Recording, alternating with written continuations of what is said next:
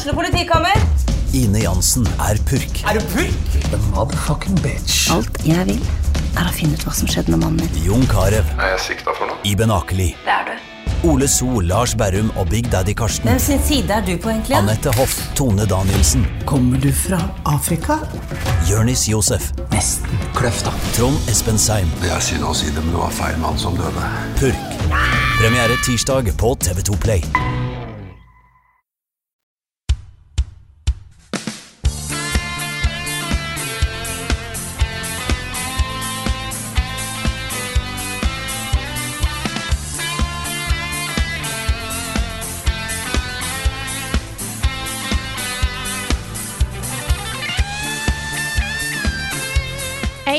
Tredjedel av dagens sending er faktisk spilt inn rett ved Det skjeve tårn med papp, som er lokalisert i det nye kontoret vårt. For Rune, Oh, du er faktisk på plass. vårt!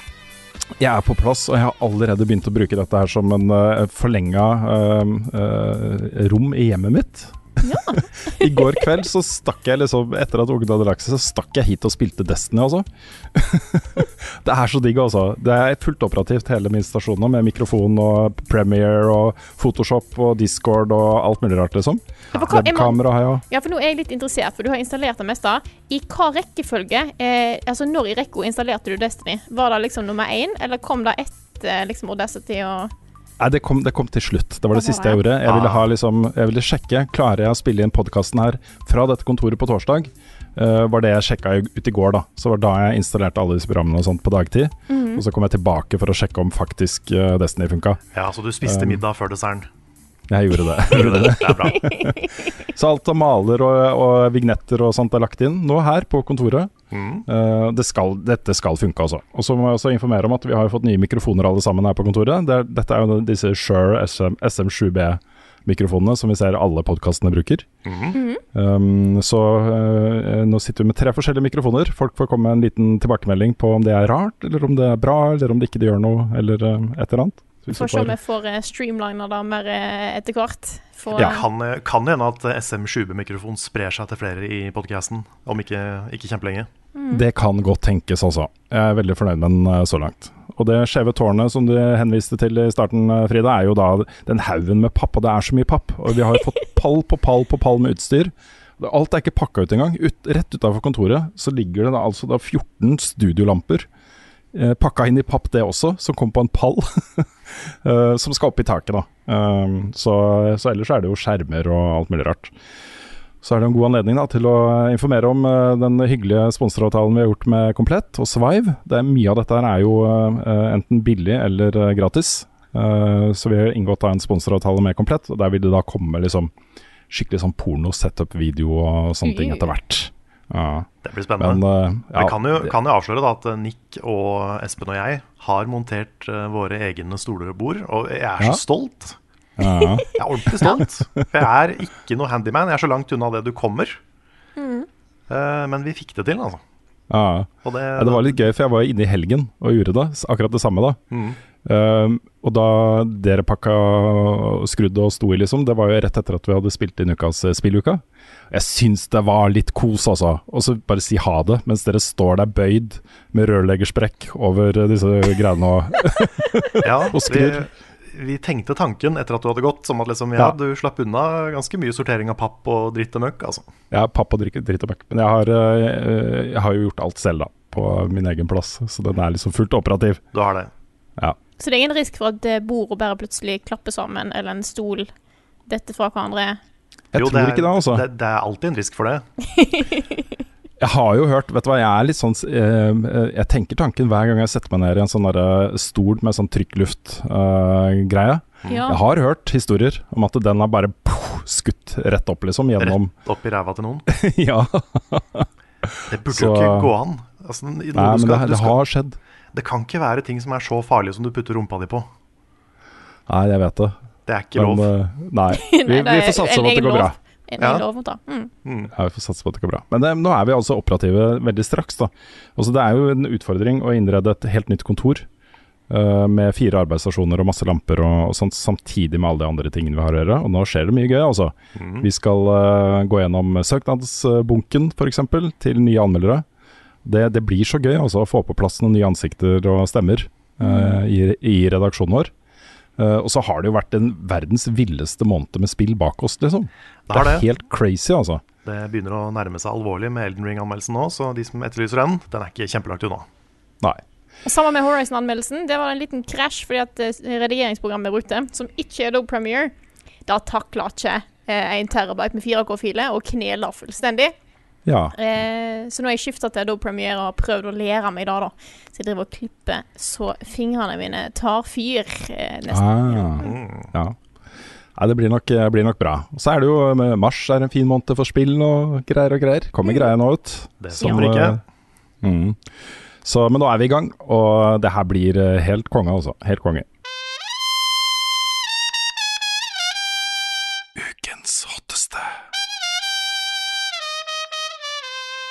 Ukens hotteste denne uka er at det har blitt sluppet en trailer til det nye spillet til Hyper Games. Det er jo spillet om snusmumrikken fra eh, Mummidalen-verden, dette her. Spillet heter Ja. Snøfkin Melody of Moomin Valley. Og Mm. det ser jo så koselig ut. Det gjør det. Ja, det, ja, dette er jo en, eh, en, et, spill, en, et spill og en lisens som Hypergames aktivt oppsøkte, som de hadde lyst til å gjøre. Så de tok kontakt da med, med Mummitrollet-stiftelsen i Finland, de som forvalter da Tove Janssons eh, livsverk, eh, og spurte om lov til å lage dette spillet her. Og vet du hva, Det ser så koselig ut. Jeg kan jo nevne da at eh, Karle, vi har sett litt av det før. Vi kan vel ikke snakke så mye om det, tror jeg, ennå. Men vi var og besøkte det og fikk eh, se litt eh, for en stund siden. Litt eh, sneak preview. Ja. Og grunnen til at dette er hot, er jo to, to ting. For det første, Mummitrollet er jo en sånn derre brand som har holdt seg veldig godt over hele verden. Kanskje spesielt i Japan, faktisk. Ja, Japan er det Eh, stort. veldig, veldig stort i Japan. Eh, så det har en internasjonal appell som på en måte eksisterer eh, ut av boksen, på en måte. Eh, kan bli en ganske stor eh, norsk suksess, dette her, altså. Eh, og så er også Mummitrollet og hele det konseptet, hele universet her si, eh, det, det er kult, liksom. Ja. Det er også, det, er, det er for barn, men det er også for voksne. og Det er alvorlige undertoner. og Det, det er på en måte så mange elementer i, i eh, det universet her som, som tiltaler meg. da. Mm.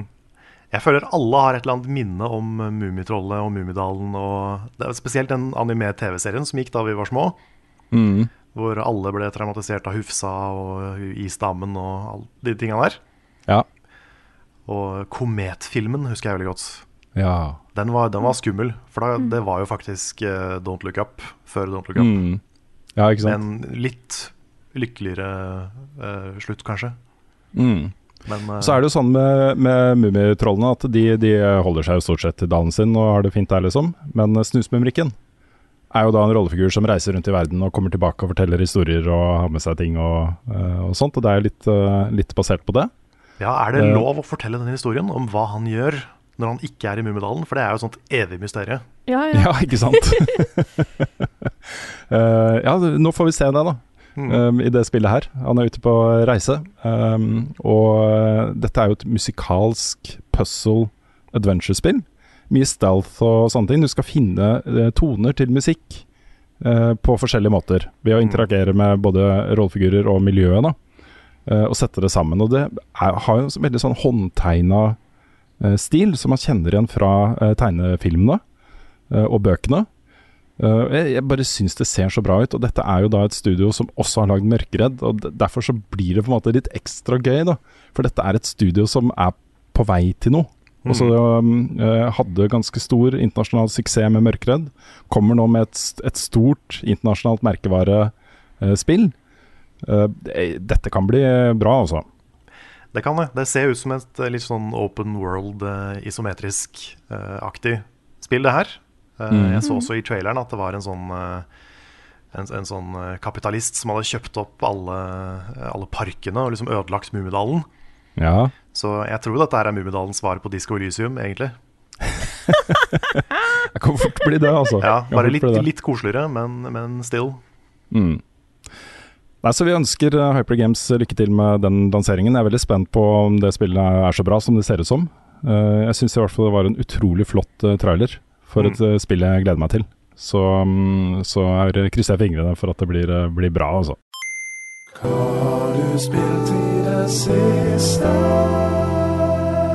Nå tror jeg vi er flere som har eh, kanskje ikke testa og dyppa tærne våre i så veldig mange eh, nye, fascinerende, spennende spill den siste uka. Det er vel kanskje et par, eh, eller i hvert fall én, stor, eh, stor tittel som fortsatt er bra, bra representert i, i, eh, i redaksjonen, vil jeg si. Ja, jeg er Ja. fortsatt på bryllupsreise med Elden Ring. Det er det. Ja, det er jo, nå har jeg jo fått rulletekst, da. uh, Ja, det har jeg også gjort. eh, I det spillet. Jeg har fått platinum. Oh. Platinum i Elden Ring. Bra jobba. Ja, det er ganske bra jobba. Jeg må da si at uh, jeg tok jo sånn save-scumming på, på endings. Ja, for du har Fordi- ikke runda det fire ganger? Nei, tre holder da. Det holder å runde tre ganger. Okay, det er bare Det er tre tre- Det er tre endings som gir eh, trophy. Det er Mm. flere endings, men eh, de andre gir ikke da trophy. Um, så, så det gjorde jeg, og det kan du gjøre. Um, det er veldig lett, da. Også det, er på et punkt du trenger ikke å ta noen flere bosskamper og sånne ting. Du kan bare gjøre det, ikke sant. Men jeg måtte jo ta en, en, en ny karakter, for jeg hadde jo mista et par quester. eh, som gjorde at eh, et, eh, et våpen eh, og en eh, boss eh, fikk jeg ikke tilgang til da, på den første karakteren min. Så, så det, det var jo faktisk 30 timer der da, på den nye karakteren for å få det. så det var da 144 timer pluss 30 eh, for platinum for min del. Men så må jeg da nevne at jeg starta et New Game Plus-run. Tok det på stream her om dagen. Solo, alene. Det var ingen andre som eh, ville være med på det. Um, det gikk fint. Men da var det jo sånn, på to timer så var jeg over halvveis i spillet. Da kan man liksom bare boss-rushe, uh, ta en path. Ja, du var vel level 190, var du ikke det? Ja, jeg var level 190, vet du. Jeg var jo det. Så da kan, mm jo du, da kan du løpe rett til bossene og så runde det på nytt. Ikke sant? Um, og så vil jeg også nevne, da, uh, som et eksempel på hvor uh, Både hvor kjapt man kan gjøre dette her hvis man vet hva man skal gjøre, og hvor man skal, og, og leveler de riktige tingene og sånt. Og på hvor lett det er å bli bare fortapt i et univers som det er bare vilt mye optional greier, liksom. Uh, det er jo nå en speedrunner på YouTube som kaller seg Nico Bellic, som har runda hele spillet på to og en halv time. Uten å dø. Uten å dø en eneste gang. Wow. Uh, og det er da med en ny karakter. Det er ikke Nugen pluss, en ny karakter. Så han vet liksom akkurat hvilken starterklasse han skal bruke, og hvilket våpen. Bruker det våpenet til den starterklassen hele uh, veien gjennom, og bare leveler det. Fordi det har en uh, veldig god sånn skill som gjør det lett å stagre og få critical hits på bosser.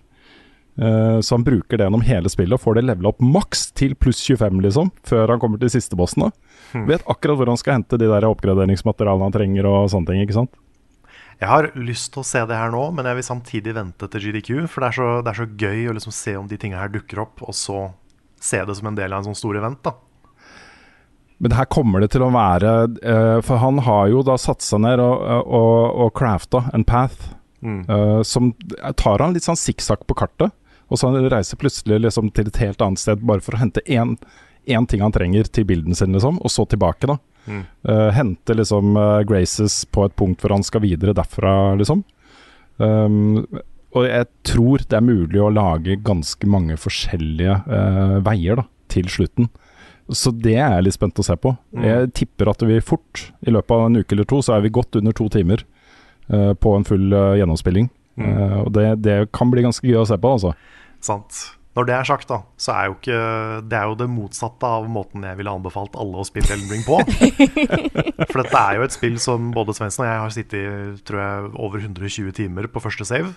Ja, For du hadde Og- 144, Rune, var det da, på din? ja da jeg tok eh, Da jeg runda spillet med mainen, så var det 144 timer. Ja, ikke sant. Og det, det er jo det som er så magisk med det spillet her, at det er så mye. Og at det er så svært, og du kan bli så fortapt i det.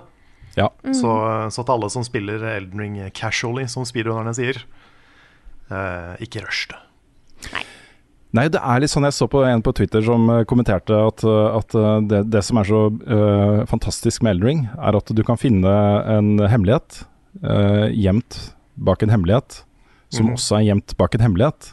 Og som Ja. da låser opp eh, et nytt område, som igjen har et hemmelig nytt område bak seg der igjen, liksom.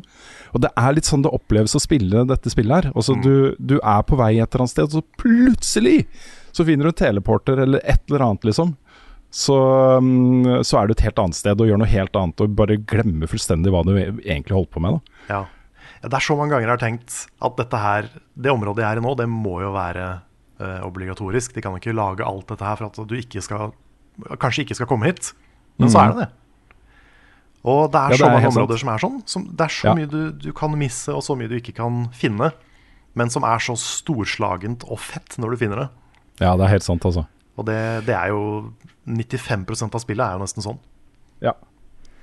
Og så vil jeg anbefale folk, da, hvis du kommer til, eh, til en boss som heter Mugg the Omen ehm, ikke, ikke stikk fra det rommet, bare utforsk det litt. det er bare sånn lite tips til uh, en ting som folk bør få med seg. Mm, det mista jeg helt til jeg så det på internett. Ja, ikke sant? Jeg gleder meg virkelig til å få satt meg ned med dette her når jeg er ferdig med, med å lage anmeldelsen av Horizon. Ja. Jeg vet ikke hvor mye til, Nå kommer jo Det er, så mye gøy nå! Nå kommer jo Tunic! Neste uke. Ja, det stemmer. Ja. Da er, det er jo så mye gøy spill som nå dukker opp. Så, Så kommer uh, Limp Biscuit of Paradise, Final Fantasy Origins. Ja. Det, det. Det blir bra. Ja, det er Norco slutten av måneden. Mm, Ah, Kirby slutten av måneden. ja. Triangle Strategy er ute. Jeg har bare så vidt begynt på det. Ja, Ja. vi fikk eh, kode til eh, Chocobo GP i dag. Ja, det er kos. Mm. Altså det er, det er mye, mye greier, altså. Så um, nok å gjøre. Jeg, jeg må jo nevne også at nå har jeg endelig kommet Nå, ikke sant, nå fokuserer jeg på Destiny. Så nå skal jeg sette meg ned og spille gjennom den campaignen, godt i gang. Uh, og har avtalt eh, raid til helgen da, med The- Boys. Så, um, så jeg er godt i gang. Jeg kan også nevne da at jeg har uh, reacha out til, eh, til Andreas uh, og Sebastian i nerdelandslaget, Mhm. som uh, fortsatt ikke har tatt raidet. Jeg har foreslått at det må vi gjøre sammen. Uh, oh, når de er klare til det. Ja, så det skal vi gjøre. Mm. Det er flere andre også. Ja, kanskje det. kanskje det. Ja. Andreas var litt sånn derre vil jo helst oppleve det, liksom å bare synke inn i det på, e- på egen hånd, på en måte, uten å tenke på at han skal entertaine folk og sånt. Men jeg er litt sånn jeg, Det plager ikke meg, da. Å gjøre det på stream. Jeg syns det hadde bare, egentlig bare vært kult. Så kanskje det blir en stream hos oss, i hvert fall. Mm. Så får vi se. Men jeg gleder meg skikkelig også. Det virker veldig bra. Og så må jeg også nevne at eh, det kommer til å bli litt annerledes eh, PC-anmeldelse fra meg framover. Fordi de nye skjermene våre er jo i sånn wide-wide-format. Ja. Eh, og mange PC-spill har jo det som en native innstilling, og det har også Destiny. Eh, og det var så digg, altså, å få eh, bare utvida det bildet på den måten. Det, det ser så lekkert ut. Så her kommer det da en, en smalfilm Smalfilmformat anmeldelse av Destiny for, fra meg, da, på, på vår kanal. Så gøy. Mm. Ja, det blir morsomt. Det, det er jo native på YouTube også. Det er det. Så, Det er jo Vi tenker litt da på at det er mange som ikke har sånn skjerm. Jo jo, men da blir det jo som å se en, en skikkelig fin eh, indie-film, liksom. Som nekter å uh, tilpasse seg 16.9-formatet. Ja, Hvor det er sånn svarte bars da på toppen og bunnen. ja jeg, jeg spiller alt i Zack Snyders Justice League-format. Ja. Mm. Ja, ikke sant. Nei, så, jeg- så det gleder jeg meg til. Men jeg har et eh, spørsmål som er helt urelatert. Eh, Jeg håper det var greit. Nå har jeg hørt at eh, sant, du trives på kontoret, Rune, og du, Carl. Men jeg, så, jeg la merke til noe, Rune, som er kanskje enda mm. viktigere. Du har med deg hunden din på kontoret. Jeg har det, skjønner du. Jeg har, eh, jeg har det, og jeg krysser jo alt jeg har av fingre og tær for at uh, du ikke er allergisk mot min hund, Carl. Ja, det må vi bare finne ut av. Det må vi finne ut av. Så, men på vei til kontoret i dag så kjøpte jeg en hundeseng. Så hun har liksom blitt gradvis mer og mer komfortabel med å være her for hver gang jeg har vært her. Eh, I starten var hun jo så gira, bare fløy rundt og bjeffa, alt var nytt og, og så mange mennesker og skal jeg være her liksom, og og så videre og så videre. Men nå eh, legger hun seg ned og slapper av og, og sånt da. Så, um, så det er ganske ålreit, altså.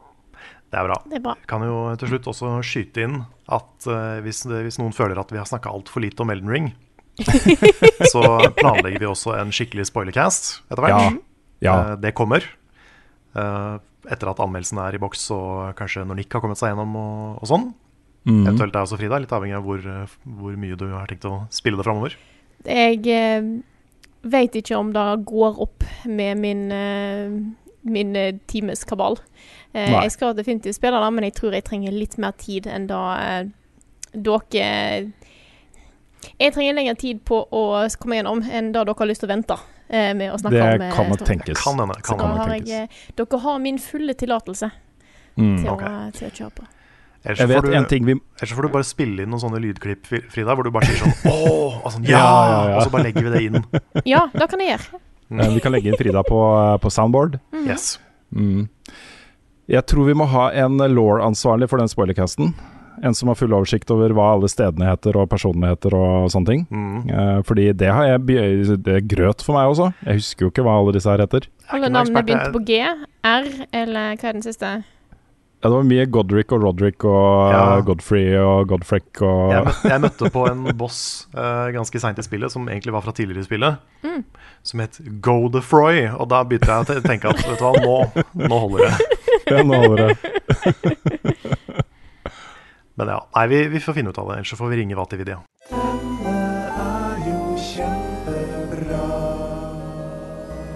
Ukens anbefaling.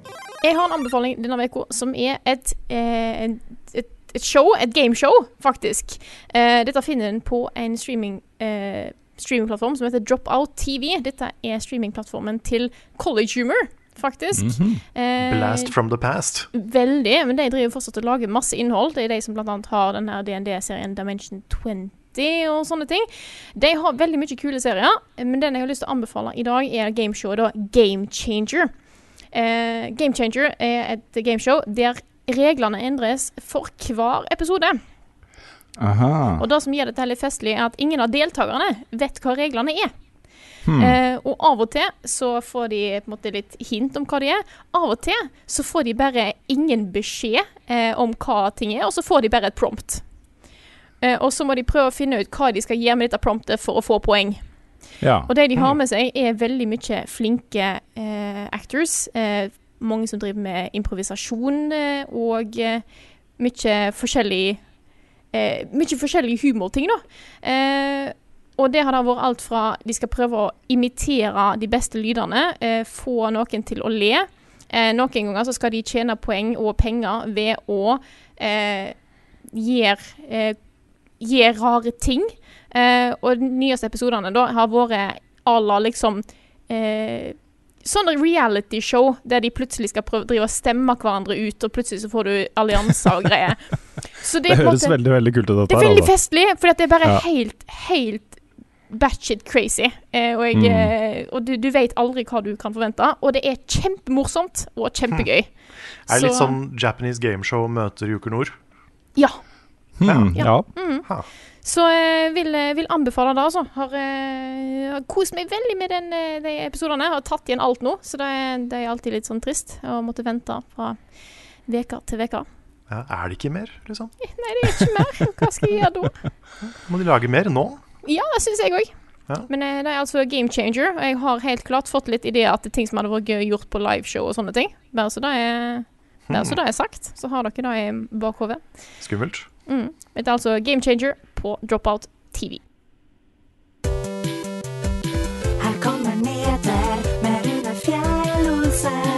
Og han har ikke hår. Ja, Den store nyhetssaken i eh, også spillenes verden eh, akkurat nå er jo eh, naturligvis eh, Russlands invasjon av eh, Ukraina, som jo påvirker både selvfølgelig da spillbransjen i Ukraina, og der har du jo selskapet bak eh, Stalker 2 f.eks. Ubisoft har kontorer der, osv. Men spillbransjen har jo også reagert på det som skjer der, på samme måte som mange andre eh, bransjer gjør. Også McDonald's stenger alle sine eh, utsalgssteder i Russland. Eh, mange av de andre vestlige eh, restaurantkjedene osv. gjør det samme, Ikea osv. Eh, og det samme gjelder jo da spill. Eh, Sony har nå gått ut og sagt at de har stanset all, eh, all salg i Russland. Og det gjelder da kjøp på eh, eh, digitale butikken. Eh, det gjelder eh, å shippe hardware til Russland. De har valgt å ikke lansere Gran Turismo 7 i Russland. Eh, og dette følger jo da um, det mange andre har gjort. Så både Microsoft og EA, CG, CD Project Red, Activision Blizzard, Ubisoft, Take-Two Alle disse har jo gått ut og gjort det samme. Så det er på en måte en ganske unison spillbransje da, som eh, viser eh, eh, hva de syns om det som skjer. Målet, er jo, målet er jo å legge press på Russland. Eh, isolere de og få de til å forstå at, uh, at uh, det de gjør nå, er å isolere seg fra resten av verden, liksom. Ved da at alle disse vestlige tingene, som også er populært i Russland, ikke kommer ut der lenger. Så um, får vi håpe da at uh, presset uh, fører noe sted. At det uh, kan bli en slutt på dette. Det er ganske forferdelig å sitte og se på uh, bildet på nyhetssendingen da, om dagen. Det er det. Litt sånn uforståelig. Mm. Vi eh, var jo innom en eh, spennende norsk uh, spillansering tidligere i episoden. Nå kommer det en til, nemlig uh, Iconei Island. eh, an Earthlock Adventure fra Snowcastle. Dette er jo et spin-off-spill fra Earthlock, som du har spilt og anmeldt back in the day, Carl. Det stemmer. Jeg spilte jo den første versjonen som kom. Ja. Eh, Det spillet er jo, så vidt jeg har skjønt, et eh, helt annet spill nå enn det var da. Ikke sant? Skal vel også komme en oppfølger til det? Ja, de jobber med Earthlock 2 også, så Mhm. dette er jo på en måte et prosjekt de har eh, eh, Høres ut som et godt konsept som de har bare kommet på mens de har jobbet med Earthlock 2. Og så har det vært Altså, de har brent så mye for det konseptet at de har tenkt vi må bare lage det. Eh, og det dette spillet her er jo et survival, et sånn koselig survival-spill. På en øy, Frida. Det foregår på en øy. Der er jeg fanga med en gang, jeg. Ikke sant? Uh, inspirert av Animal Crossing og Stardew Valley, uh, men eh, veldig fokus på det at du skal kunne styre de forskjellige dyra som er på den øya. da. Um, så det ser kjempebra ut. Jeg har ikke fått noe dato ennå, men det skal komme da til PC og konsoller. Um, mm. så koselig. De har gått litt sånn all in på Earthdock, og det setter jeg litt pris på. Fordi en av de tingene som har definert norsk spillbransje, og særlig da indie-bransjen, er at her, her har de lagd noe bra, ikke sant? som har blitt populært. Har fått en following, også internasjonalt. Og så er det sånn, neste spillet Aldri i verden om vi skal lage en ren oppfølger. Nei, nå skal vi lage noe helt nytt, ikke sant? Mm. så, så det å på en måte investere i en uh, franchise tror jeg er et lurt grep, altså, fordi de lærer noe nytt, ikke sant. Og det er uh, progresjon fra spill til spill, og det er uh, lærdom de kan hente inn da, i å gjøre ting bedre eh, og mer populært. Ja. Det var jo litt sånne farming-elementer i det første Earthlock også. Mm. Med sånn du kunne, du kunne gro din egen ammo til en sånn gun ved, i, en, i en hage. Ja. Så det gir jo mening å liksom ta, ta serien i litt den retningen. Mm. Så Ikonai Island altså, en Earthlock Adventure eh, på vei. Jeg vet ikke om det kommer i år, kanskje neste år, men eh, eh, det, så, det så veldig koselig ut, altså. Så veldig bra ut. Og så har det vært en State of Play eh, fra Sony, PlayStation, som eh, eh, ble hakket mer spennende enn jeg hadde sett for meg på forhånd. Det var litt sånn, eh, litt sånn ymse hva som kommer ut av disse State of Playene. Noen ganger så er det bare ting du har hørt om fra før. Og det du ikke har hørt om, er ikke spesielt sånn superhot, liksom. Men her var det flere nye store greier som det er verdt å snakke om. Og det største var nok at Square Enix kommer inn og annonserer da to helt nye spill som man ikke har hørt om før. Eh, det ene heter eh, Diofield Chronicle, eller Diofield Chronicle. Ja, det så ut som eh, litt i samme gata som Triangle Strategy og Final Fantasy Tactics og de der. I hvert fall et mm. sånt uh, taktisk uh, RPG. Er- Ja, strategirollespill, stemmer. Mm. Det er interessant at det, kommer enda et sånt fra samme utvikler allerede. Ikke sant? Men uh, jeg syns det, det var litt sånn småkjipe character models i det spillet. Jeg, fikk Mm. ikke helt, eh, jeg ble ikke helt solgt på det. Men gameplayet så kult ut. Det er veldig, Mm. veldig my thing. Og så har også Square Enix vært inne i den der eh, store bollen med forskjellige JRPG-navn og uttrykk, og Mhm. henta ut to, eh, to eh, papirlapper derfra. Og på den ene så står det Valkyrie, og på den andre så står det Elysium. Så Valkyrie Elysium er da et eh, annet nytt eh, actionrollespill som de jobber med. Så begge disse spillene skal komme i år, forresten. Ja, Um, Ikke så? Valkyrie Elysium, um, da, det andre spillet, hva syns du om det, Carl? igjen, altså. Det er et, et spill som, jeg, som det føltes litt for generisk for meg. Og de er vanligvis veldig gode på ansikter i Square Enix, men her syns jeg begge de to spillene her var litt sånn, var litt sånn kjipe ansikter. Så det er vanskelig å connecte med de, de karakterene ut fra hvordan de så ut. Men eh, jeg er litt usikker på om dette er liksom samme univers som Valkyrie Profile, for det er en serie. Mm. Tenkte jeg skulle google det mens dere prata om andre ting. Eh, men, eh, men ja. det, er ikke en, det er ikke en serie som jeg vil si at er veldig kjent for meg, i hvert fall. Men nå er, nå er du litt dypere i RPG-sjangeren enn det jeg er. Det er, ja, ikke sant? Det er en eh, oppfølger til Valkyrie Profile, ja. For da er det en serie Ja, som har litt, eh, litt historie. Okay. Ja. Det er ikke noe jeg har spilt sjøl, men eh, da, da er det i hvert fall ikke et eh, helt nytt, en helt ny greie. Men det var ikke noe Final Fantasy 16 eller uh, Final Fantasy 7 remake del 2, Carl? Det var ikke det. Jeg forventa egentlig ikke det heller. Nå er det en uh, Square Enix-event, eller en Kingdom Hearts-event i april. Der forventer Oi. jeg noe litt mer spennende ting. Ja. Men uh, nei, det var, det var litt, litt mindre spill, kanskje her. Mm. Og så fikk jo jeg en nyhet som uh, var litt sånn derre det, det var på en måte ing min inngang til hele den State of Playen, for jeg så den ikke live. Jeg fikk med meg den på Twitter etterpå. Uh, Returnal Ascension, altså en, eh, en utvidelse, en gratis utvi utvidelse av Returnal, som introduserer full co-op. Co-op gjennom hele spillet, og it makes sense, liksom. Fordi det er allerede flere Celines i den verden her, ikke sant. Du Mhm. møter jo døde Celines overalt. Eh, men nå kan du da spille gjennom hele spillet fra start til slutt i co-op. Eh, I tillegg så introduserer de en ny Det er litt sånn derre endless eh, horde mode eh, dungeon-type ting. eh, som er et sånt tårn. Mm. Med da stadig nye waves av fiender, og målet er å komme deg til toppen. Det tror jeg ikke du klarer, fordi det er endless. Men eh, det er da også en ny sånn co-op-ting, eller solo. Um, Men er det endless, eller bare virker det endless? Fordi det, det er jo et fordi du dør, altså du starter bare på nytt. Hvis du klarer det, så starter du bare på nytt allikevel. Det kan eh, tenkes, det også. Det kan jo være at du kan fullføre et run. At det, Ja, er, noe, det det. er noe på toppen der. Ja, jeg tipper det. Det er nok noe på toppen der. Tror det. Tipper sånn, som altså. sånn som i Hades, at du kan liksom komme deg til mål. Mm. Og så kanskje mest interessant var jo at det var jo nye deler av law her. Altså Det var jo nye scener fra nye steder som man ikke hadde sett før, liksom. Uh, Knytta da til, eh, til eh, Celine og hennes annet, andre liv, som ikke er i selve spillet, liksom. Du så noen rare dører og eh, nye rollefigurer og sånt også. Så dette her, jeg tenker jo at uh, vi har jo en mulighet her da til å kjøre en god opp uh, eh, stream eller et eller annet med meg og Nick. Mm. Kanskje, det, kanskje ikke sant, dette er uh, pusle, puslespillbitene han mangler for Kanskje. historien. Ja, for nå kan dere Kanskje. krangle in game i tillegg. Ja, Ja. Nei, men jeg, jeg tror en sånn coop-greie med Nick der hadde vært kult uansett, da, fordi uh, vi er jo enige om at gameplay i dette spillet her er amazing. Mm. Så jeg tror nok det hadde vært kult også. Jeg skulle gjerne hatt med meg en eh, Nick inn i The Ascension. Så det kunne hjulpet meg litt med de bossene og sånt, sikkert. ja.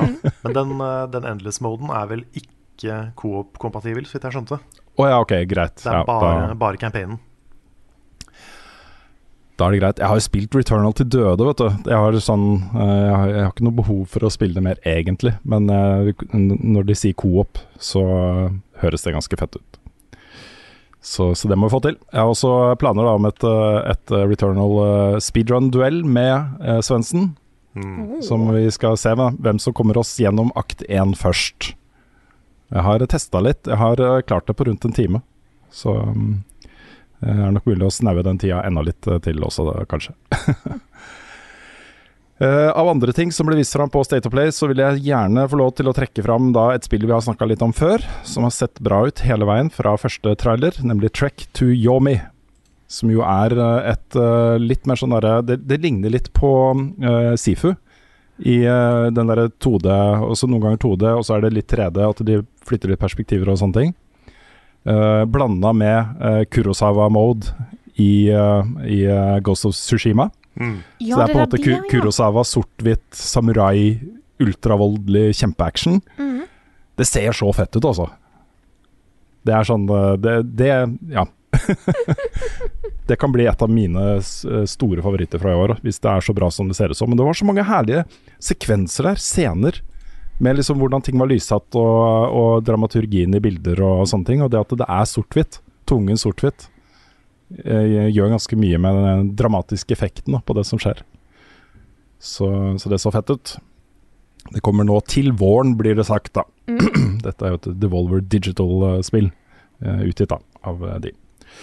Og så får vi et nytt uh, dinosaur-coop actionspill fra Capcom, som da ikke heter Dino Crisis. De heter ikke Dino Crisis, det heter uh, uh, Exoprimal. Exoprimal. Mm. Her er, vil du da tre inn i en sånn exosuit, en battlesuit, Det ser ut som et eh, japansk anthem, egentlig. Bare Ja, med sånne, sånne, sånne klaser med dinosaurer som bare, popper, som bare spyr ut over verden. Ja, Det var eh, veldig fancy. Men det, det var noe der som jeg syntes så spennende ut. Mm. Ja, nei, det kan fort eh, bli noe. Jeg er litt, eh, litt sånn Jeg syns det er litt rart at ikke liksom Dino Crisis ble nevnt med et ord der. Uh, er det noe sånn lisensgreier? Har de mista Er det noe Jeg vet ikke, jeg, altså. Ikke. Hvorfor ikke bare kalle det Dino Crisis uh, et eller annet? Dino Crisis Future Make Fun Times. Et eller annet sånt, Ja, akkurat da, faktisk. Mhm. Ja. Og så begynner det å nærme seg lanseringen av Ghostwire Tokyo, som jo er et uh, spill jeg også gleder meg veldig til. Her snakker vi um, erkejapansk horror. Masse sære greier. Det er ikke måte på. Um, det er jo rett rundt hjørnet. Det kommer jo nå i slutten av eh, mars. Uh, det skal spilles. Det ser, jeg, sy jeg syns det ser litt bedre ut hver gang jeg ser det. Mm. Så um, Det ser mer actionprega ut hver gang jeg ser det. For det, det Mm. begynte jo som en veldig sånn eh, Litt mer sånn low-key, ekkel, creepy uh, litt sånn avantgarde. Ja. Men det blir jo mer og mer et sånt Devil May Cry-type actionspill jo mer jeg ser av det. Ja, det er sant, det. Så, men det, det, jeg syns det er kult at ikke det ligner på alt annet. Liksom. Det har på en måte sin egen identitet. Mm. Um, og det gjør meg veldig nysgjerrig også, på, på hvor bra det er. Det ble jo kjent eh, før State of Play at uh, en demo av Stranger of Paradise er uh, ute. Den eh, skulle jo bli shadowdroppa med State of Playen, tror jeg var meningen. Men den er nå ute, og den lanseres jo allerede 18.3, så det er jo rett rundt hjørnet. Mm. Det er sant. Det, jeg har jo spilt to demoer av det spillet allerede, så jeg tror jeg venter på release nå. Med mindre det er sånn save transfer, da. Det kan hende. Mm. Hvis det er det, så kommer jeg til å teste den. Ja, Vi fikk jo spørsmål om vi ville gjøre en preview av, eh, av eh, Ghostwire Tokyo. Da sa jeg nei, for det er liksom to uker før lansering. Og de vi gjorde jo det samme med Elden Ring. Mm. Det var jo sånn preview-event som vi kunne vært med på, men som vi lot være, da, fordi det var liksom to uker før lansering. Så um, da får vi mer en frisk opplevelse når det kommer. Vi fikk jo vite tidligere i uka at uh, Forspoken er utsatt til 11. oktober. Skulle komme i eh, starten av mai, var vel det, tror jeg, eller var det april? Husker ikke helt. Det husker ikke jeg heller, men det var ikke kjempelagt unna, egentlig. Nei. Uh, dette er jo også et Square Enix-spill. det fikk da en ny trailer, som også det syns det ser bra ut, altså. Det er et eller annet med det spillet som gjør at det er litt sånn eh, eh, forsiktig avventende. Ja, Mm. det, men det er noe med Jeg tror det har med dialogen og viben å gjøre. Ja, For for det er et eller annet med viben, ja. For det skal mye til for at det skal bli bra, den på en måte stemningen de legger seg på. Det er litt sånn som Guardians of the Galaxy. At, Mm. det, at det manuset må være så snappy og så eh, litt sånn offensivt og kult, da. For at det Mm. ikke skal bli kleint. Og det er jeg spent på å se om de har fått til. Mm. For de har lagt seg på en veldig litt sånn der quirky uh, uh, I sånn der Spiderman-type manus, da. Hvor det skal være litt sånn morsomt og attitude og sånn. Og hvis det er Mm. dårlig, så blir det fort veldig pinlig. Ja, for tingen er at hun som er hovedpersonen, hun blir jo liksom trukket inn i dette universet fra på en måte vår verden. Og Mm. hun er en veldig kul person, liksom. Hun har en veldig sterk og fin personlighet. Eh, som hun tar med seg inn i dette universet, da, som jo er litt mer sånn der, eh, klassisk fantasy-verden. Eh, veldig fjernt fra virkeligheten. da.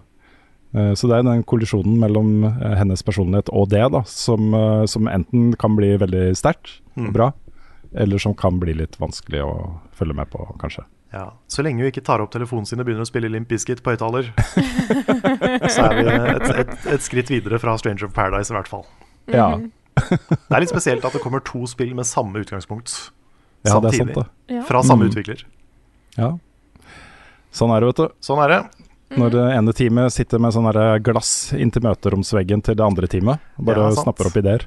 Men Square Mm. Enix bare pumper ut spill. Altså. De er veldig glad i å annonsere spill. Ja, det er det. Ja. Det kommer bare mer og mer. Mm. Vi får uh, også Gundam Evolution senere i år. Um, ja, jeg har ikke noe sånn voldsomt forhold til det, men Gundam er jo en kjent anime-serie. Gundam er big deal. Mhm. Og så da eh, Dette er, Navnet på den samlingen her er liksom eh, Det er sånn det skal være. Eh, Teenage Mutant Ninja Turtles The Cowabunga Collection Ja. kommer da senere i år. Mm. Dette er jo de gamle eh, Teenage Mutant Ninja Turtles-spillene samla i en eh, collection. Ja, det var mange av de. liksom- ja, masse. Det Massevis av spill. Veldig mange flere enn jeg trodde. Det er jo alle spillene som ser ut som det, som var på Super Nintendo, inkludert da klassikeren Turtles in Time. Uh, flere fra NES, flere fra Arcades, noen fra Sega og noen fra Gameboy. Mm. Så det er jo da en kjempepakke med gamle, gamle Turtles-spill. Mm. Ja, for jeg har heller ikke vært klar over hvor mange det faktisk er. For én ting er eh, En ting er Turtles in Time, liksom, men uh, ja. Det er mye. Turtles. Jeg har også lyst til å bare, bare nevne at eh, jeg er tolv år og syns det er kjempegøy at vi nå får et spill som heter Gigabæsj. Ja, det Ja. står neste på lista med, altså Gigabash. Gigabash.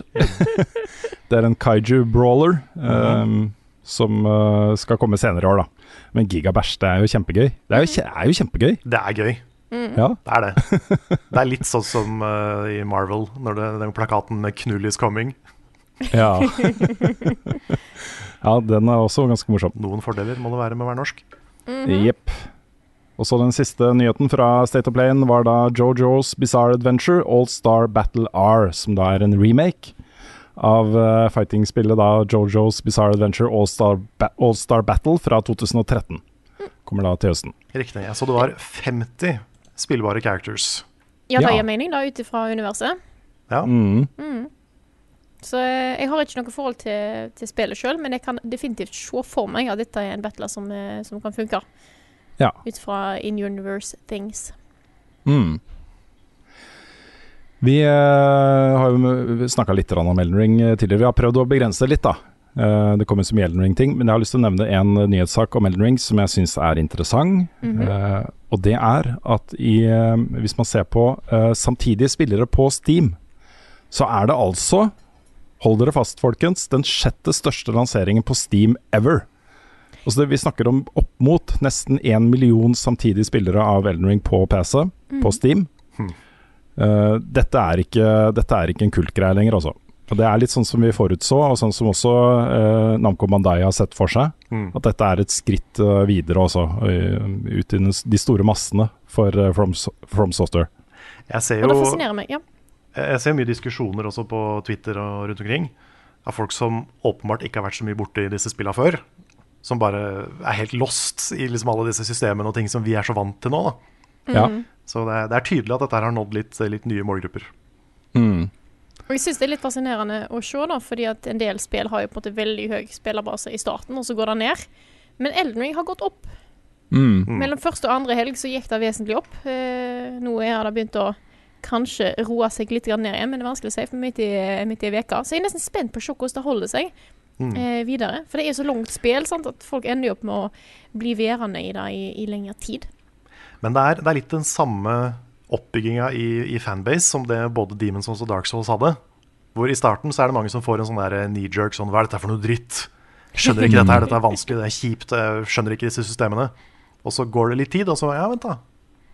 Ja, Kanskje, kanskje det er noe her. Altså, den, den utviklinga kjenner jeg igjen da fra før. Og så er det også sånn med Elden Ring at du kan bare plukke opp et stort våpen, og så bare få med deg at det er et strength-våpen, f.eks. At det skeller best på strength. Og så kan du bare putte inn strength og vitality og endurance. Så har du, kommer du deg gjennom hele spillet, liksom. Du må ikke forholde deg til alle de systemene for å ha det gøy, da. Nei da, du må ikke det. Du kan, du kan på en måte engasjere deg i det du vil engasjere deg i. Og det er jo det som Ja, er kan- mye av styrken til Elden Ring òg, at det er så åpent. Du kan sløyfe alt som heter crafting. Du trenger ikke å crafte en dritt. bare kjøpe ting og bruke ting du finner og, og sånt. Du kan, bare, du kan bare fise gjennom det spillet med et stort sverd, liksom, og skjold. Trenger ikke hva Det, det går helt fint. Nei, du okay. trenger ikke det. Jeg bruker faktisk Jeg, jeg, jeg lager en magic character nå for første gang i Souls history for meg. Jeg har aldri Mhm. vært mage, men jeg prøver det nå, og det er faktisk ganske gøy. Ja, det er litt gøy. Men det er noe jeg ikke har eh, eksperimentert med i det hele tatt før. Mm. Og så har Gotham Nights fått dato. Det er 25. oktober. Um, og det um, jeg vet jeg er et spill det er mange som gleder seg til, altså. Kan bli, kan bli bra. Og så, da. Om ikke Sifu altså, er kult nok fra før. Sifu er kult nok fra før. Eh, jeg trodde ikke det kunne bli kulere, men nå har det blitt kulere. Det har kommet en eh, oppdatering til spillet som introduserer en eh, mandarin voiceover, altså kinesisk tale. Ah, Oi, kult. Det, er, det kler det spillet så godt, altså. Det kler det spillet så godt. Og jeg spilte Ghost of Tsushima med eh, eh, japansk, eh, japansk tale. Jeg gjorde det samme med Sekiro. Det er noe eget, altså. Jeg syns det legger en stemning på opplevelsen som, eh, som løfter det, på en måte. Og gjør det enda litt sånn mer eh, fett, da.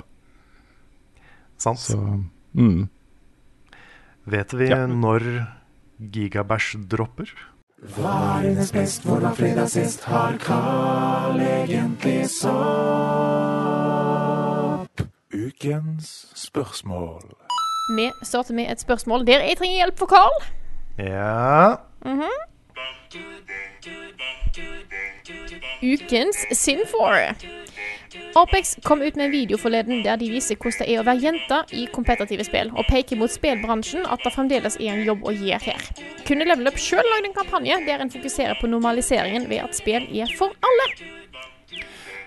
Ja, Videoen han sikter til, er jo en video som, eh, som eh, Apex la ut på kvinnedagen, 8. mars. Hvor J.Kim J-Kim eh, da spiller som jente. Og Det er jo en av de beste CS-spillerne vi har. Uh, og han får jo utrolig mye sånn uh, kjipe kommentarer, bas bare basert på at han har et kvinnelig nikk. Og Eh, eh, kvinnelig stemme. Han har sånn stemme for Voice changer stemmer. Uh, og dette er jo altså vi, uh, Jeg føler jo at vi snakker en del om dette her fra før. At ikke det er en sånn At ikke vi har kampanjer på det, på en måte men at dette er noe folk vet vi, vi har snakka mye om. Ja, Eh, jeg håper folk vet hvor vi står på de tingene der, i hvert fall. Jepp. Ja for, ja, for tingen er at eh, akkurat den biten her av, av gaming og, og, og kjønnsgreiene rundt gaming uh, er det er altfor mange, alt for mange gutter og menn som ikke ser på det som et problem, og som ikke skjønner at det er et problem. For det dette handler om, er en litt sånn der konstant for mange, da. Eh, bombardement av kommentarer. Ikke alle er liksom alvorlige eller, eller eh, eh, straffbare, eller hva det skulle være. Eh, men det er konstant da, kommentarer 'du er jente'. Um, og så er det kommentarer basert på det, på kjønnet. På kjønnet. Og det er, den type kommentarer får ikke gutter og menn. Og Derfor så er det vanskelig for mange, tror jeg, å skjønne hvordan det påvirker ens egen opplevelse av å være i en chat, f.eks. Hvis du hele tiden blir kommentert kjønnet ditt, så, så er det et problem, altså. Jeg så jo det komme kommentarer på dette her om at eh, eh, ja, men alle gutter opplever jo å få drittkommentarer slengt mot seg hele tida mens de spiller. Men da er ikke fordi de er gutter. Nei, det er andre typer kommentarer. Og den er forskjellen er ganske vesentlig. Altså. Og det er, det er helt klart mye stereotypier og mye sånn forferdelig kjipe ting som er ute og går. Eh, det ble jo òg eh, så det dukka opp kommentarer på at å ja, nei, men det er ikke så mange jenter som kan spille. Nei, som spiller. Da kan ikke Det må jo òg være feil. Eh, fordi at eh, en ser jo eh, Når en ser på statistikken, så virker det som at det er veldig mange jenter som spiller. Men jeg tror òg at, da at det er så mye eh, dritt som kommer eh, mot, mot jenter og damer som spiller, gjør at en holder seg litt tilbake igjen. At en kanskje ikke Mm. snakker om det. En går kanskje vekk ifra online-spill, eh, kompetitive spill, der en spiller mot eller med andre. Eh, at en kanskje trekker seg vekk derfra. Eh, og jeg tror ikke at den sånne type kommentarer da heller hjelper Altså sånne stygge kommentarer som jenter får når de spiller, hjelper på at jenter har lyst til å være åpne om at de spiller, heller. Nei, det, dette, er, dette er rett og slett en, eh, et eh, hinder som legges i, eh, i veien for alle som er kvinner, og som liker å game. Eh, da, må, da må de forholde seg til det. De må være forberedt på å akseptere at du får den type uh, drittslenging. Og grunnen til, det, grunnen til at det ikke tar slutt, er rett og slett fordi folk ikke sier ifra. Altså, de får jo ikke noe støtte. Det er ikke noe uh, det, det er ingen som Altså det, de fleste oppfører seg jo ikke sånn. Men de fleste sier heller ikke fra, da, og er med på å liksom ehm, gjøre dette til en, en greie hvor, hvor det ikke er akseptert lenger. Mm. Altså det er på en måte en akseptert del av å være i en lobby. Er at det kommer sånn eh, 'Å, er du jente? Uh, kan du gå og lage meg en sandwich?' Uh, Ja. type Jeg, jeg får kommentarer, enten sånne type kommentarer, eller så er det litt sånn der, uh, ekkel flørting eller Ja. stygge altså, Det er liksom Alt handler om at man er jente. Du blir gjort til en sånn en fremmed ting i det miljøet. Mm. Og det, det er ikke rart at man ikke føler seg hjemme i det. Nei. Og det er liksom Det er så mange plasser der det skjer. Jeg har hørt om folk som jobber med mer sånn data- og gaming-tekniske hardware-type ting. Eh, der eh, hvis det er da damer som som, som jobber med dette her, så får de også spørsmål om en Ja, kan du hente en annen kollega av deg Mm. til Ja. Jeg jobba på elektrobutikk for mange år siden. Da skjedde det ofte. At det var eh, damene som jobba der, ble bedt om å gå til fordel for en mannlig Ja. eh, ansatt. Så det er kjipt. Eh, og nå er jo dessverre gaming-community rundt omkring i verden eh, dessverre ikke så hyggelige alltid. Og jeg Nei. syns at eh, uansett, eh, hvis en eh, opplever at folk ikke oppfører seg, så si ifra. Eh, for det er Dere kan jo òg hjelpe til at eh, ting blir bedre. Bare ikke Mm. godta at sånne kommentarer blir kasta rundt. Nei, Ja, det er nettopp det. Det handler mye om normalisering og hva, hva som er godtatt, hva som blir tatt opp som et problem, og hva som ikke blir det. Mm. Jeg vet også blitt gjort uh, før, da, men hvor, eh, hvor man har tatt eh, liksom, kjønnsrollene og, og, og snudd det rundt. Og så behandla da menn på den måten som, som kvinner blir behandla, og så utgangspunkt i kjønnet deres, og bare kjønnet deres, og den type kommentarer som man kan få basert på at man er mann. da. Og da, da ser man jo, man skjønner jo mer hvordan, uh, hvordan det virker på deg. Altså hvordan det påvirker din, eh, eh, din hverdag. Det å få liksom den der jevne hele tiden, liksom, kommentarer. Det er ikke uten grunn til at mange eh, kvinner og jenter velger å gå rundt ute i offentligheten med svære, svært headset med liksom musikk på full guffe for, å, for å unngå For det, det er liksom hele tiden, da. Det er hele tiden. Uh, og nå er det jo sikkert noen som ikke syns det er et sånn kjempestort uh, problem, men det er mange som gjør det. Det er mange som gjør det. Eh, og det må eh, vi menn ta inn over oss. Og det er og ikke sånn at det bare er å ikke bry seg. om Nei. det. Er ikke sånn det funker når en får eh, Når disse kommentarene og sånne ting skjer ofte. Så Mm. på et tidspunkt så, eh, så kan en ikke bare ikke bry seg eller ikke tenke på det, og få det til å ikke gå inn på en. Nei. Mm. Det er jo, jeg syns eh, Jeg må bare så vi komme litt tilbake til, til spørsmålet her. Jeg syns at uh, den videoen her fra Apex er veldig, veldig god en. Den er Jeg, veldig eh, to the point. Veldig, veldig tydelig. Uh, Ja. Og hvis vi kommer på en god idé uh, sjøl, så kunne jeg tenkt meg å lage noe som er òg for å normalisere, da. Eh, at spillet er for alle. Mm. kan, ikke, kan ikke garantere noe, men dette er en viktig sak. Eh, Mm. absolutt. Mm. Så mm. Ja. Dette er jo noe vi står for alle sammen, og noe vi Jeg føler det er en veldig sånn sentral del av Level Up sine verdier, at spillet er for alle. Ja. Og det er viktig for oss. Eh, håper at vi kommuniserer det bra nok også. At eh, alle typer mennesker skal være velkommen i våre communities og sånne type ting. Mm. Så, eh, så ja, det er viktig. Skal vi ta neste spørsmål? Det kan vi gjøre. Jeg har Ja. et her fra Ugla i Mosen. Eh, personen skriver Lurte på om dere har noen råd når en i spillegjengen tar spillet litt for seriøst. Vi var, Ja. vi var en gjeng som bare hadde det gøy med Destiny, raida og gjorde diverse aktiviteter mens vi snakka om alt mulig. Vi fikk inn en annen kompis, og han ble ekstremt hekta på spillet. Etter hvert, mer etter hvert merka vi at han begynte å ta det litt vel seriøst, og gradvis begynte det å føles mer som jobb enn all den morsomme vennepraten. Nei, og all den morsomme vennepraten ble mindre og mindre. På sikt har noen i gjengen slutta å spille pga. at han tok over hele spillet. Noe som er veldig synd, for jeg føler vi har mista et morsomt fristed. Samtidig vil vi ikke fryse han ut, og han er ellers en veldig bra fyr. Vi har prøvd å ta det opp med han, men han blir da bare irritert fordi vi har lyst til å spille med suboptimale strats. Han skal òg bestemme alt når det kommer til hvordan vi skal gjøre ting. Syns det er en vanskelig Ja. situasjon å være i, for dette var et av spillene som vi alle likte å møtes i for å ha det gøy og prate tull. Hva gjør en i en sånn situasjon? Det er så bra spørsmål, fordi Ja, det dette her skjer hele tida. Ja. Eh, jeg, er på det mange ganger. jeg er sikker på veldig veldig mange kan relatere seg til den posten her. Mm. Eh, jeg har et litt morsomt eksempel fra da jeg spilte det der ræva mobilspillet. eh, Kingdom Hearts mobilspillet, som var veldig pay to win. Ja, Union For Cross. der, Union Cross, for der eh, ble jeg eh, litt sånn ved et uhell eh, med i et sånt Hva heter det? Party, tror jeg det het. Ikke guild, men et party. For du kan jo, det er sånne sosiale aspects, og så får du noen bonuser for å være med i et party. Så jeg vil jo være med i et party. Og så viste det seg å være et av de liksom høyest ranka partyene i spillet. Oh, ja. Og de var hardcore. Oi, oi, oi. Det var sånn, Da kom det meldinger, for du måtte melde deg på en sånn Discord-gruppe. Og da kom det meldinger med sånn I will be guilt-checking your meows. og det var sånn du måtte liksom Masse random generations, så måtte du liksom fortsette å prøve og prøve til du fikk den maks tingen du kunne få. Mm. Og det, det var en fulltidsjobb for de folka, sånn det lille drittspillet der. Ja. Så alt kan bli sånn for noen. Mm. Og jeg har merka sjøl også noen spill hvor ting har bikka over på et eller annet tidspunkt fra å være en hobby og noe som gir meg mye, til å føles som en jobb. Mm. Til å føles som noe du må gå inn og gjøre hver dag for å oppnå et eller annet.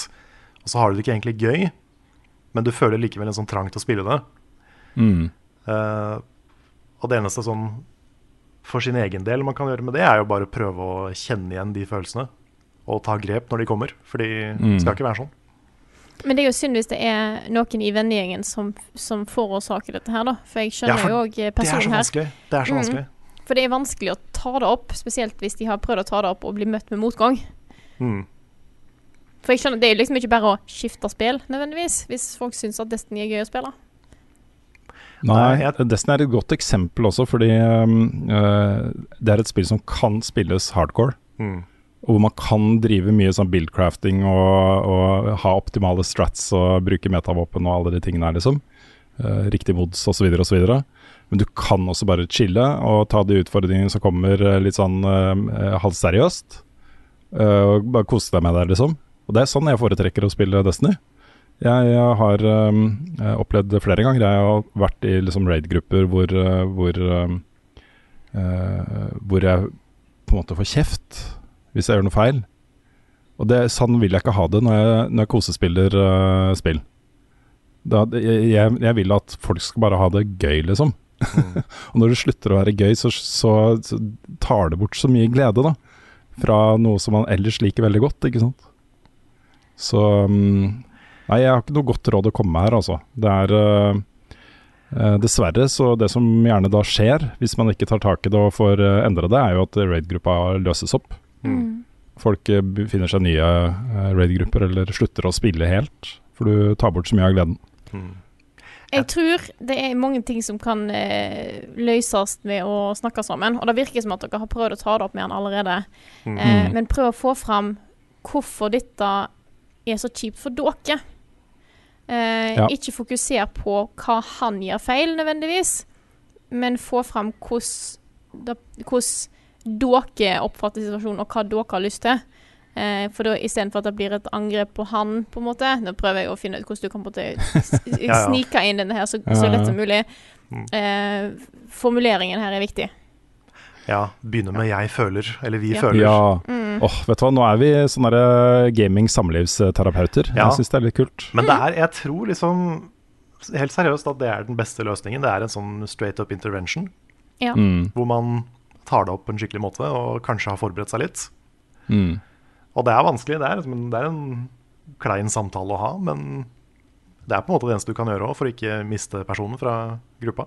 Mm. Og så kan dere ha en sånn bamse dere leverer rundt. Så kun Ja. en som holder bamsen, som, som kan snakke. Det er lurt. det er lurt. Sorry, nå skled jeg litt ut her. Det var, Og hvis var noen begynner å snakke, uten bamsen, Ja. så må alle klikke. Ja, ikke sant. 'Nå hadde du ikke bamsen!' Da må du slette et metavåpen fra Ja, ja. Ja. hvelvet ditt. Mm. Nei, men Kan jeg få ta Ja, Ok. bare Nei, det var ikke Vi kan gå videre. Vi kan gå videre. Ok, For jeg har to spørsmål jeg har lyst til å ta. Ja. Mm. Eh, det ene er fra um, uh, Burton Sørbo, som lurer på da Kan dere være så snill å droppe noe av Elden Ring-pratet denne gangen? Det andre er fra Norton Jo- Jonasson. Kunne dere kanskje snakke litt om Elden Ring? vi, er, vi, er klar over, vi er klar over at ikke hele verden er opptatt av Elden Ring. Mm. Um, og vi ber om forståelse for at uh, det blir litt uh, Når det er så svært og så viktig for oss, så blir det litt prat om det. Så skal vi prøve å finne en balanse, og så skal vi prøve å la det eh, skli over i andre spill og andre ting å snakke om eh, etter hvert, da. Og det Men, kommer til å skje. eh, Det er så mye bra ja, ja, ja. som kommer nå i år. Absolutt. Hele år, egentlig. Ja. Så eh, nå er vi midt i Elden Ring-tornadoen. Ja. Uh, og akkurat det føler jeg også folk må leve litt med, for vi er en, vi er en podkast og en redaksjon som snakker om det vi brenner for. Mm. Og da er det sånne ganger at det blir mye ett spill. Og så er det litt rolig ellers i spillmedia akkurat nå. Så, Nei. nei, det er ikke det. Nei, det var sånn det var. Fader. Nei, men det dominerer akkurat nå. Eh, Ja, det jeg hver kan, dag, da. det, jeg kan, det jeg kan nevne, er jo at eh, vi kommer, ut, vi kommer helt sikkert til å snakke sjukt mye om Elden Ring også resten av året, og sikkert uh, inn i framtiden også. Um, men vi kommer nok til å flytte det over i liksom egne konsepter. Mm. Jeg har nå lagd en egen vignett for et sånt Let's Play-konsept som uh, passer det spillet veldig godt, da. Som vi kanskje skal begynne å bruke. Eh, det blir spoilercast, uh, sikkert litt livestreams, kanskje litt co-op, Denga Boys, Mm. have fun-type ting. Uh, og da kan man jo velge selv, da, om man skal følge det eller ikke. Ja. Så, men akkurat her i podkasten og de andre flatene våre, liksom, så blir det mer sånn hvis det skjer noe nytt som det er verdt å snakke om. Ja, så det blir nok litt mer tydelig, tydelig markert framover. Ja. Vi har jo hatt litt prat om det denne uka her. Jeg vil tippe at det blir nesten ingenting neste uke. Det tror jeg er et eh, godt eh, stalltips, eh, Frida. Mm. Absolutt. Jeg har også et uh, annet spørsmål. -hmm. Kjør på. Um, det er jo delvis Elden Ring-relatert, men det gjelder mange andre spill. Det er fra Simen. Ja. Uh, og det er da hvor lang må en stige være før eh, vi begynner å nynne på uh, Snake Eater? Ja, derfor, men dette er, et, dette er et filosofisk spørsmål. Ja. Ja. Fordi den ene stigen i Bloodborne, som er nede i kloakken, som går helt opp til startområdet, ja, den er Ja, lang. Den er lang nok. Ja. Den er lang nok. Men det må Mm. være nesten så langt, altså. ja, jeg òg tror det. For du skal Det helst kunne synge synge i hvert fall en halv sang. Ja. Minst, minst det. Gjerne en hel sang, men eh, i hvert fall en halv. Du Mm. må komme til et refreng og Ja, litt Vers sånne og ting. refreng, da føler jeg krav. ja, For du kan Ja. ikke ha en sånn liten trapp hvor du bare What a three? Nei. Det går ikke. Ja. Jeg har opplevd flere ganger i spill å begynne på den, Mm. og så finne ut nei, dette var ikke en Snake Eater-stige likevel. Nei. Mm. Så det er eh, litt viktig også. Og, Man må huske at den stigen, den stigen spiller jo faktisk hele sangen. ja, den gjør det. Fra start til slutt, altså. Det er alltid skuffende da, når du tror at dette kan være en eh, Eater-stege, og så er Ja. det ikke det. Nei, så er Ja. det ikke det. Nei. Hvis man er i kloakken, liksom. Man Ja. er langt under bakken, og så finner man en stige. Mm. Man ser ikke hvor den ender. Så tenker man at det, nå skal vi helt opp, liksom. Vi skal helt opp. Ja. Så skal den ikke det Det er en stige i Conquers Bad Fur Day som er ganske lang. Ja, Den er sånn i grenseland. ok. Men det er ikke mange spill som har stiger som, som er lange nok, altså. Nei. Nei, da blir de, de må ha guts nok til å gi det, tenker jeg. Ja, Mm. det må være a choice. Ja. Artistic choice. Mm. Mm. Yes, Har du et spørsmål, Karl? Ja, skal vi se. Det, det er et spørsmål her fra Steinar Sande. Han -hmm. skriver Filmvitere og nerder har de siste 100 årene analysert filmer og laget dogmer for god og dårlig film. Aristoteles hadde sine regler for god og dårlig dramatikk. Men hva er de viktigste reglene man må huske på for å lage et knallbra spill? Og apropos dogmer, helt, helst uten generiske poeng som har et enormt budsjett eller har en killer idé. Dette er jo et stort spørsmål. Vet ikke om vi har sånn Ja. kjempegode svar på det. Nei. Rails. Fordi rails Der har, du det. Lange stiger. Ja. Lange stiger. Ja. Nei, men uh, med åra har jeg fått veldig respekt for de spillene som har få mechanics, men som gjør mye med de. Sånn som Portal har bare Portal-gunnen, egentlig. Og Ja. bruker den for alt den er verdt. Og Plants vs. Zombies, det første, grunnen til at jeg digga det så mye, var at det hadde, hadde et sett med mechanics, og brukte det til så utrolig mye gøy.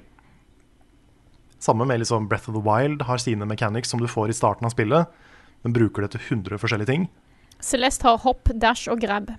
Ikke sant? Mm. Men det er, så mye, det er så mye variasjon, selv om det er få mechanics. Og det er det også Elden Ring eh, og, og Souls og disse spillene gjør så bra. At det er, det er ikke 40 000 systemer og ting, sånn som eh, ja, Det er kjipt å bruke Assassin's Creed som moteksempel hver gang, men det hadde liksom plutselig en tower defense mode. Og det er ingen som husker den Mm. i Revelations. Og det er så mye sånn fyll, sånn unødvendig fyll.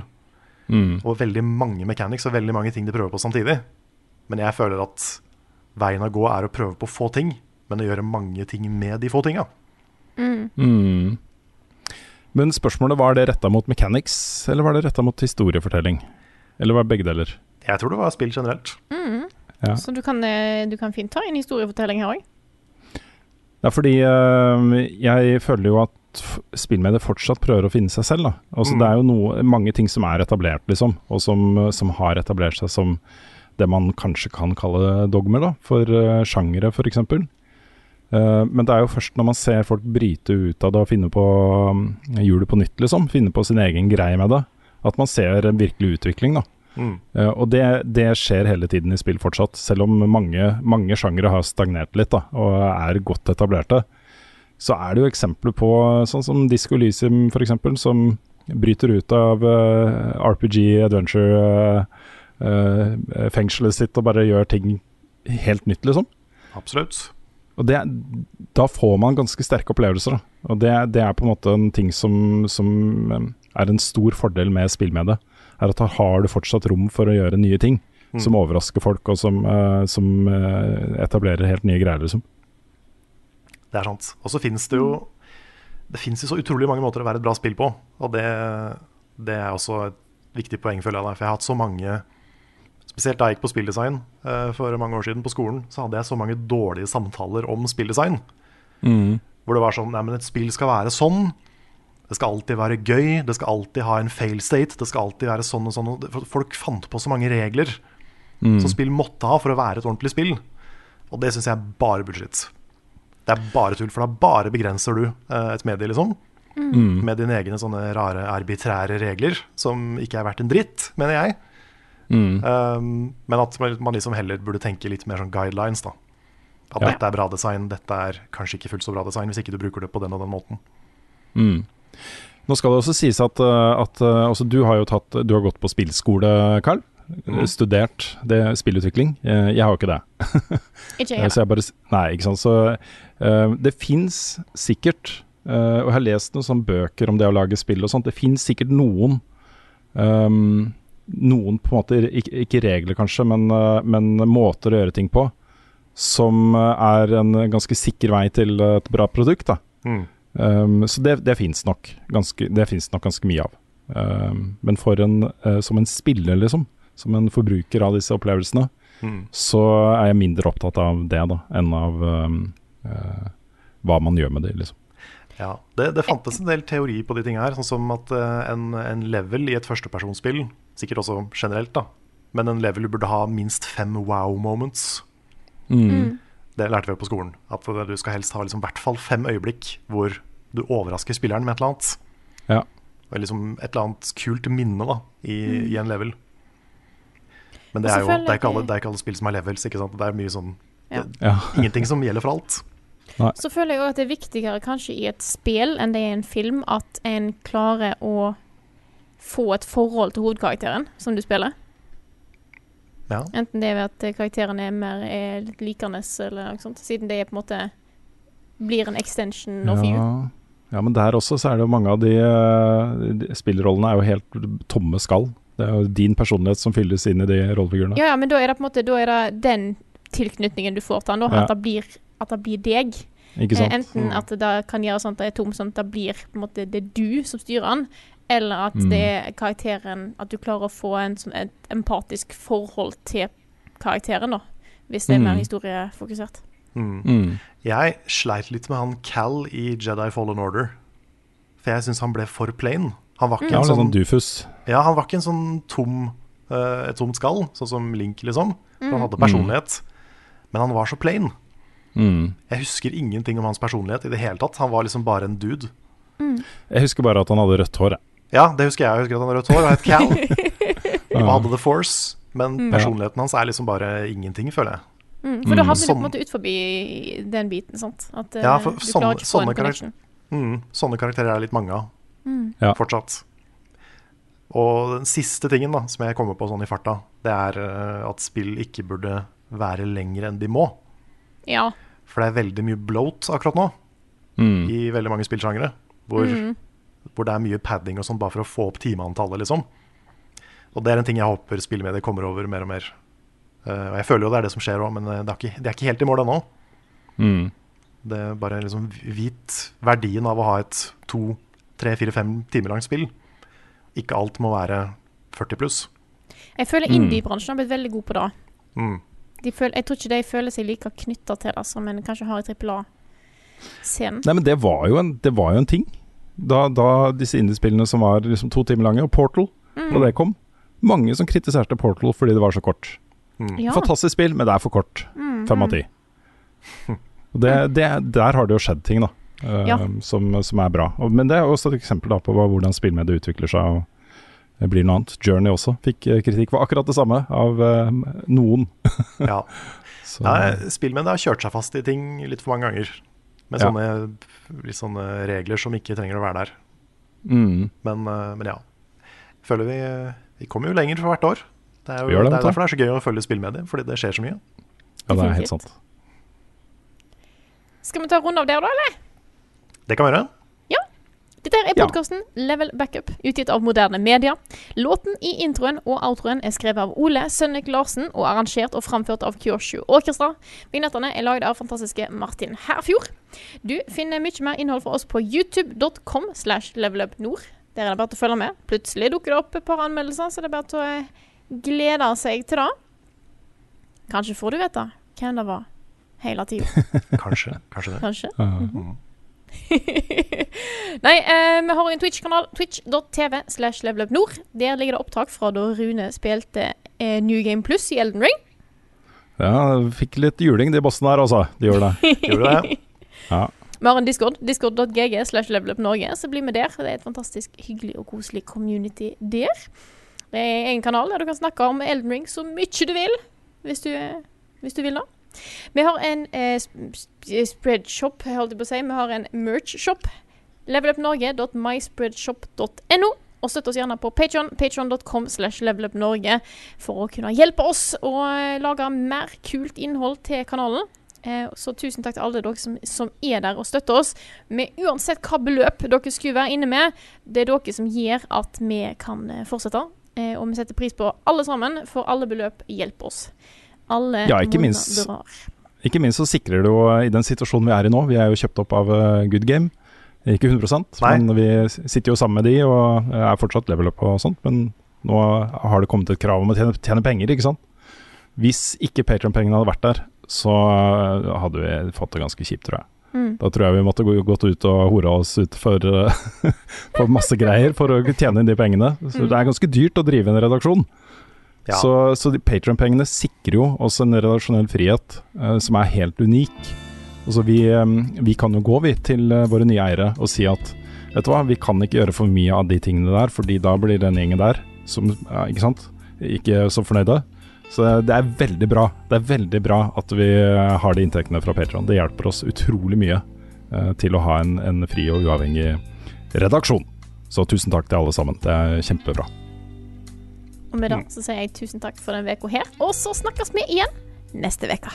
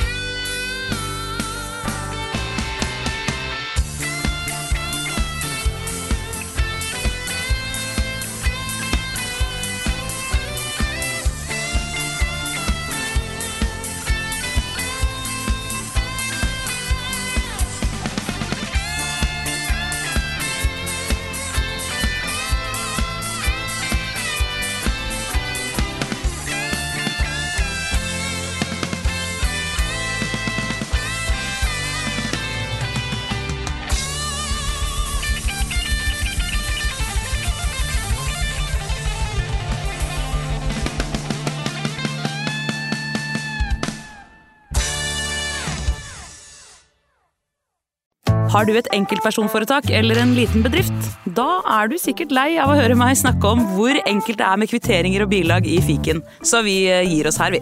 Fordi vi liker enkelt. Fiken superenkelt regnskap.